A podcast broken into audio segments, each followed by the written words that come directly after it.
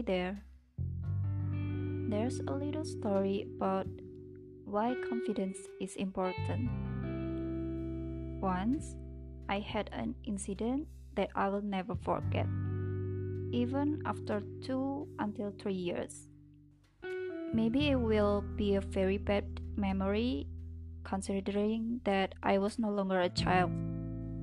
So, when I was in second grade high school, I was elected as the head of the organization in my school.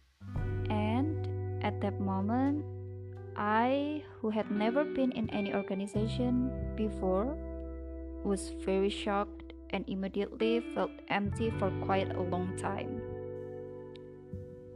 Of course, because I wasn't ready.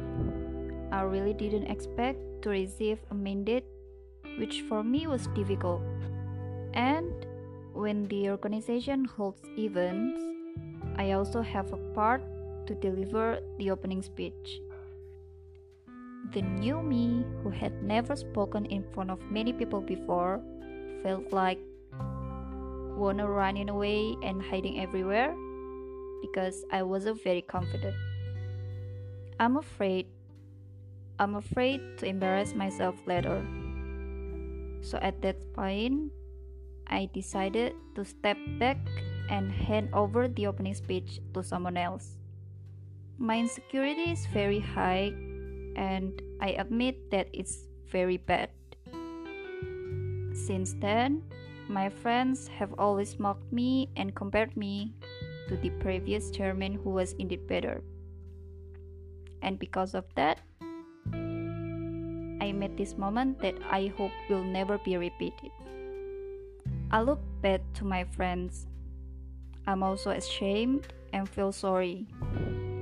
Why am I not so confident? Why did I choose to retreat? I am seen as an irresponsible chairman. Now, since then, I've learned the importance of self confidence so that you become a better self and no one will underestimate you anymore. The end.